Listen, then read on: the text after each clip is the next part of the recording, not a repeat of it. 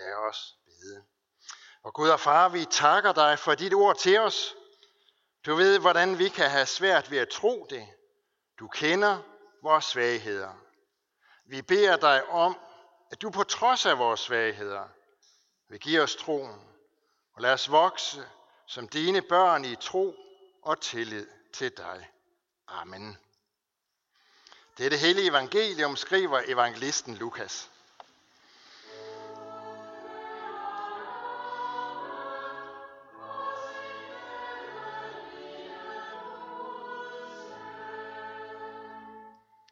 Da sagde Maria, min sjæl ophøjer Herren, og min ånd fryder sig over Gud min frelser. Han har set til sin ringetjener inde, for herefter skal alle slægter prise mig salig. Til den mægtige har gjort store ting imod mig. Helligt er hans navn, og hans barmhjertighed mod dem, der frygter ham, varer i slægt efter slægt. Han har øvet vældige gerninger med sin arm, splittet dem, der er hovmodige i deres hjertes tanker. Han har styrtet de mægtige fra tronen, og han har ophøjet de ringe. Sultne har han mættet med gode gaver, og rige har han sendt tomhændet bort. Han har taget sig af sin tjener Israel, og husker på sin barmhjertighed, som han tilsagde vores fædre mod Abraham og hans slægt til evig tid. Amen. Det er altid spændende at, øh, begynde, at se begyndelsen til noget stort. Hvis man øh, tager til Odense for eksempel som turist, så er det sådan, at de fleste turister, der kommer til Odense, de skal jo altså forbi og se H.C. Andersens hus. Og det er sådan set ikke, overhovedet ikke, fordi der er noget særligt ved det hus i sig selv, fordi det er der ikke. Man kan sagtens gå forbi det hus uden at lægge mærke til det. Nej, når det hus hvert år bliver besøgt af tusindvis af turister, så er det jo fordi, det er begyndelsen til en stor digters liv. Begyndelsen til noget stort. Det er altid spændende.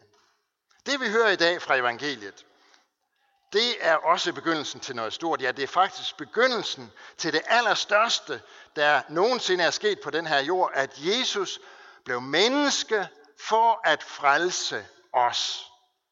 Normalt så siger vi jo ellers, at begyndelsen det var julenat, hvor Jesus blev født i stallen i Bethlehem, og det fejrer vi på behørig vis, når det er jul. Men i dag, på Maria bebudelsesdag, der går vi lige så et skridt længere tilbage, ni måneder længere tilbage, tilbage til livets begyndelse, da Maria fik at vide, at Helligånden skulle komme over hende, og hun skulle føde Guds søn. Hvordan det gik til, det hører vi så øh, i detaljer om øh, i de ulige årstal, når vi hører evangeliet fra første tekstrække. Der hører vi om, hvordan den unge pige Maria først blev bange, øh, men så bøjede sig for Gud og sagde, jeg er Herrens tjener inde. Lad det ske mig efter dit ord. Det vi så hører i dag, det er, hvad der sker efter, at Maria har haft besøg af englen Gabriel. Hun øh, tager afsted hjemmefra for at besøge sin slægtning Elisabeth, som også venter et barn, og det er jo så Johannes døberen. Og de to kvinder, de møder hinanden, så springer fosteret lige frem i Elisabeths mave, af fryd over at møde ham, som skal blive verdens frelser. Og det bliver for Maria bekræftelsen på det, som englen allerede havde sagt til hende. Og så er det, at Maria, hun bryder ud i den her lovsang, hvor hun synger, Min sjæl ophøjer Herren, og min ånd fryder sig over Gud, min frelser. Åh, åh, hvor Gud er god mod mig, kunne hun næsten have sunget. Der er fire ting, som vi i dag skal lære af Maria igennem den her lovsang. For det første, at Maria er et forbillede i det at tro, fordi hun ikke satte sig selv, men Gud i centrum. Da Maria fik besøg af englen Gabriel, som fortalte hende, at hun skulle føde Guds søn, så fik hun en opgave af Gud. Det var ikke en opgave, som hun havde ventet på. Måske ville hun øh, gerne tjene Gud, men det er helt sikkert, at hun havde ikke ventet eller gået og forestillet sig, at det skulle være på den her måde, som englen Gabriel kom og fortalte hende om. Jeg tror ikke, det var en opgave, som Maria havde specielt meget lyst til, fordi hun er kun en ganske, ganske ung pige, måske 13-14 år. Hun var ikke gift med nogen mand, så den opgave, hun blev betroet, kunne hun allerede, da hun fik den at vide, allerede da hun fik øh, besked om, at hun skulle udføre den her opgave, allerede på det tidspunkt kunne hun være sikker på, at den her opgave ville bringe hende problemer, kom til at koste hende anseelse og en masse bøvl. Men Maria tog alligevel imod opgaven. Og så var det ikke sådan, at Maria tog imod den opgave ved at sige, okay, så føder jeg da det barn, hvis ikke det kan være anderledes. Hun gik faktisk ikke engang i rette med Gud, sådan så hun begyndte at beklage sig over sin skæbne, eller prøve at snyde sig udenom ved at sige, hvorfor skal det absolut lige være mig, der skal igennem det her? Kan du ikke finde en anden Gud? Det kunne man godt have forestillet sig, og det har vi faktisk jo der andre eksempler på, at der er mennesker, der har gjort, når Gud har kaldt på den, faktisk endda nogle ret store personligheder fra det gamle testamente. Moses, Esajas, Jeremias, de gjorde alle sammen det her. Gud, kan du ikke finde en anden end mig? Men det gør Maria ikke. Maria gør noget andet. Hun bryder ud i lovsang. Hun bryder ud i jublende tak til Gud, fordi han vil sende sin søn til verden for at frelse mennesker. Hvad det skulle komme til at koste hende selv af smerte og misforståelse og meget andet, det tænkte hun ikke på, for hun havde fokus på, hvad det barn, som hun skulle føde, skulle komme til at betyde for alle mennesker. Hun tænkte på, hvor stort det var, Gud var villig til at sende sin søn til verden for at frelse fortabte, og så glædede hun sig over, at hun fik lov til at være Guds redskab, Guds medarbejder i, at det kunne ske.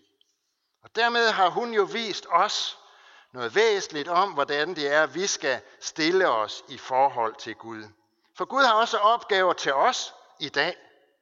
Opgaver af forskellige art.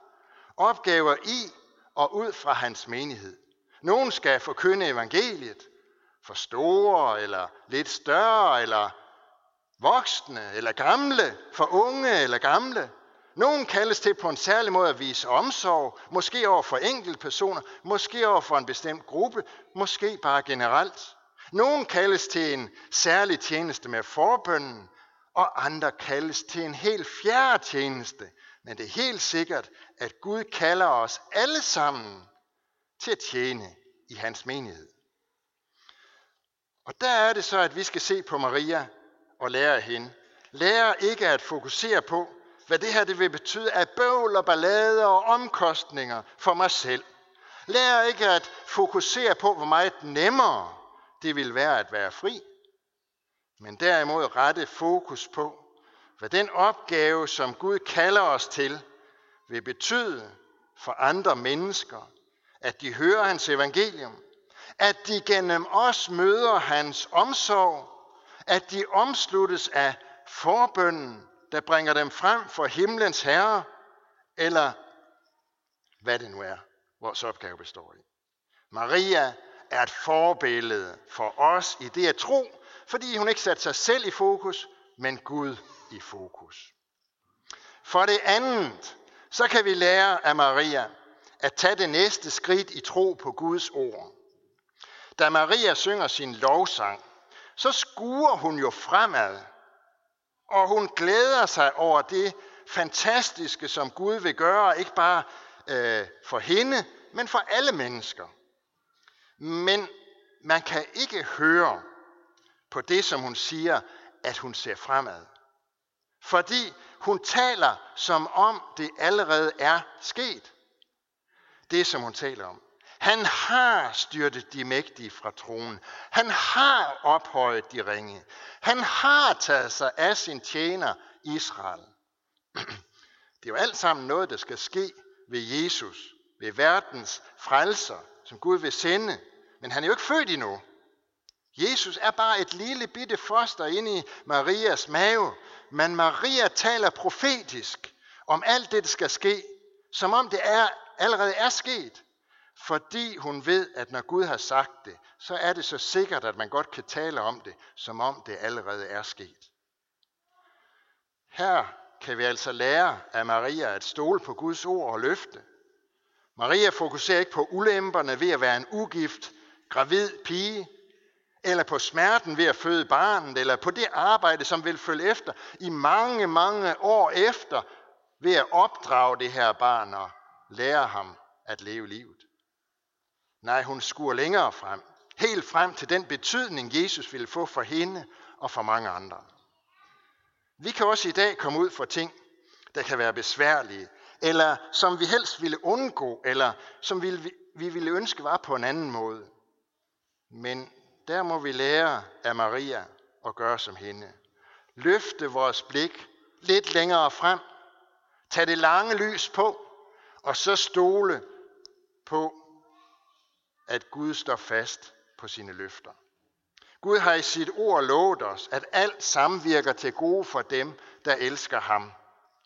Det er ikke altid det er lige let at holde fast i eller se, hvordan det er i virkeligheden, men så er det, vi må huske på Maria og lære af hende. Mange kristne har, øh, har gennem tiderne gjort den erfaring, at selvom de stod i noget, som var svært og som de ikke forstod, så måtte de alligevel, når der var gået en rum tid, sige, ja, sandelig, Gud stod ved sit løfte. Han var hos mig midt i sygdommen, eller han bar mig igennem det svære, og han lærte mig noget igennem det. Han lod det hele samvirke til gode for mig. Jeg kan ikke lade være med at nævne øh, Jakob, patriarken Jakob, som havde 12 sønner, men mistede den søn, Josef, som han var øh, særlig glad for. Hvor må Jakob dog have grædt, da hans andre sønner kom og fortalte ham, at Josef var blevet væk, og at de havde fundet hans kjortel. De fortalte jo ikke noget om, at de var blevet godt og grundigt trætte af deres opblæste og forkælede bror, og havde solgt ham til nogle handelsmænd, som var på vej til Ægypten. Det sagde de ikke noget om. Derfor troede Jakob jo, at han havde mistet sin søn. Hvor må han have råbt til Gud, skældt ud på Gud, tvivlet på, at Gud han ville lade det hele samvirke til gode for ham. Men det var jo netop, hvad Gud gjorde. Ved at sende Josef til Ægypten, for på den måde, så blev der mange år senere sørget for, at Jakob og hele hans familie, i en tid, hvor der alle andre steder var hungersnød, kunne få noget at spise. Maria lærer os som det andet at tage det næste skridt i tro på Guds ord og i tillid til hans løfter. For det tredje, så lærer Maria os, at for Gud er ingenting umuligt. Der er mange, der i tidens løb har gjort sig lystige over Bibelens ord, også over det, som vi hører i dag, om at Jesus skulle fødes af en jomfru. Det kan jo ikke lade sig gøre, siger man. Det er naturstridigt, og der tager det jo bare at sige, ja, det er helt rigtigt. Men det er altså den almægtige Gud, som vi har at gøre med. Det er den Gud, som har skabt verden af intet, blot ved at sige et ord. Det kan man da også kalde naturstridigt. Det er den Gud, som frelser mennesker, som giver evigt liv, uden at de skal gøre noget, blot ved tro på Jesus Kristus. Det er den Gud, som ved en døbefond giver evigt liv til Sofie og Evi i dag, til alle, som bliver døbt og gøres til Guds børn. Det er da også naturstridet. Det er den Gud, vi har med at gøre. I det, som vi hørte fra det gamle testamente, som jeg læste op fra alderet, om Abraham, der får besøg og får at vide, at han skal få en søn, der hører vi også om Sara, som står bagved og som griner af Gud. Ved tanken om, at den gamle kone som hende skulle kunne føde et barn, det er da naturstridigt. Sådan tænker hun helt givet. Men mor blev hun alligevel, inden der var gået et år. Fordi noget er umuligt for mennesker, så er det ikke nødvendigvis umuligt for den levende og almægtige Gud. Og derfor kan vi også bare lade denne verden store og mægtige mene, som de vil, og lade den grine af os. Eller lade den trække på skuldrene af os, når vi holder fast ved, at Guds søn blev født af en jomfru, der aldrig havde været sammen med en mand. Menneskers tanker og meninger glemmes så hurtigt igen, men Guds ord og løfte står fast. Som Maria forudsagde i lovsangen, han har splittet dem, der er hårdmodige i deres egne tanker. Han har styrt de mægtige fra tronen. Datidens store og mægtige folk, både i Jerusalem og i Rom, de er for længst glemt og borte, og ingen af os kan rigtig huske, hvem det var, der sad på tronen på det her tidspunkt. Men på den evige himmelske trone, der sidder Marias søn, verdens frelser og herre. Og ham takker millioner af mennesker hver eneste dag Gud for, og om søndagen mødes de i kirker verdens år, verden over for at lovsynge, for at tilbede og prise ham. Og det er den samme frelser, som de tilbærer, hvad enten de sidder i en sønderbombet ruin et eller andet sted i Ukraine, midt i krigens redsler, eller om de sidder i en bambushytte et eller andet sted i Afrika, eller om de kører rundt i et dollargrin i USA. Det er den samme frelser, de tilbærer. Det er da i sandhed naturstridigt, men for Gud er ingenting umuligt. Det fjerde, vi skal have med i dag, det er, at Gud udvælger små mennesker til at tjene ham. Og det kan vi lære af Maria. Det er nemlig ikke sådan, at det, som ser stort og fint og flot ud i denne verdens øjne, nødvendigvis også er stort og fint og flot. Det viste Gud os, da han udvalgte Maria som mor til sin søn. Hun var, som nævnt, en ganske almindelig, ung pige. Hun kom ikke fra verdenshovedstaden Rom. Hun kom fra en lille by langt ude på landet. Hun hørte ikke til det herskende folk. Hun var en del af et lille, besat folk. Hun var ikke rig, eller kom fra en velhavende eller indflydelsesrig familie. Hun var faktisk bare en ganske almindelig pige. Sandsynligvis ikke mere end de her 13-14 år. Men netop hun blev udvalgt, fordi Gud ikke ser på det ydre, på rigdom, på magt, på indflydelse og evnen til at sige store og fine ord. Gud ser på hjertet. Og det var der, Maria var noget særligt. Ikke fordi hun var særlig from, eller ren, eller uden synd. Da englen Gabriel kommer til Maria og fortæller hende, at hun skal føde Guds søn, så siger han det faktisk meget præcis. Han siger, frygt ikke Maria, for du har fundet noget for Gud. Nåden var altså lige så nødvendig for Maria, som den er for os, fordi hun var en sønder ligesom os. Men Maria var noget særligt på den måde, at hun stillede sig til rådighed for Gud, og det er der, vi skal lære af hende. Derfor gør det heller ikke så meget, om vi føler os svage og uden evner til at tjene Gud. Gud kan bruge os alligevel. Det var det, vi hørte i læsningen, som Bente læste for os fra 1. Korintherbrev. For tænk på, brødre, hvordan det var med jer selv, da I blev kaldet. I var ikke mange vise i værstlig forstand. Ikke mange mægtige, ikke mange fornemme. Men det, der er dårskab i verden, udvalgte Gud, for at gøre de vise til skamme. Og det, som er svagt i verden, udvalgte Gud for at gøre de stærke til skamme. Fire ting skal vi altså lære af Maria i dag. Maria var et forbillede i det at tro, ved at hun ikke satte sig selv i centrum, men Gud. For det andet kan vi lære af Maria at tage det næste skridt i tro på Guds ord. Og så for det tredje, Guds ord. For Gud er ingenting umuligt. Og for det fjerde, Gud udvælger små mennesker til at tjene ham. Det er de fire ting, som vi også må tage med fra kirke i dag og tænke med i vores eget liv. Amen. Lad os bede.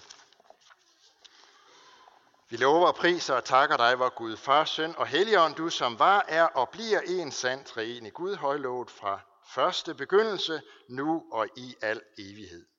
Vi takker dig for dit ord til os og for din kirke på jorden.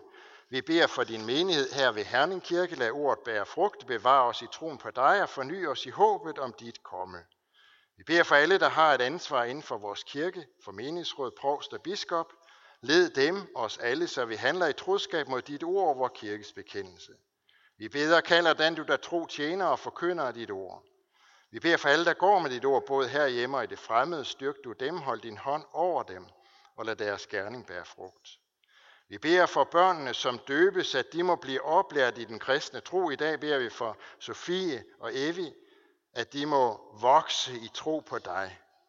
Vi beder for konfirmanderne, at de må få lov at se dig, så de aldrig glemmer det.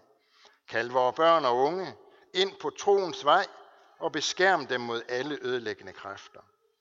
Vi beder for alt sandt folkeligt og kirkeligt arbejde. Vi beder for det kirkelige børnearbejde. Udrust du lederne og velsign du det. Vi beder for vores hjem, vores kære. Velsign både ægte folk og enlige til at leve efter din vilje og gode orden. I dag beder vi også øh, for, for Ukraine og det ukrainske folk, som går så grueligt meget igennem i de her dage.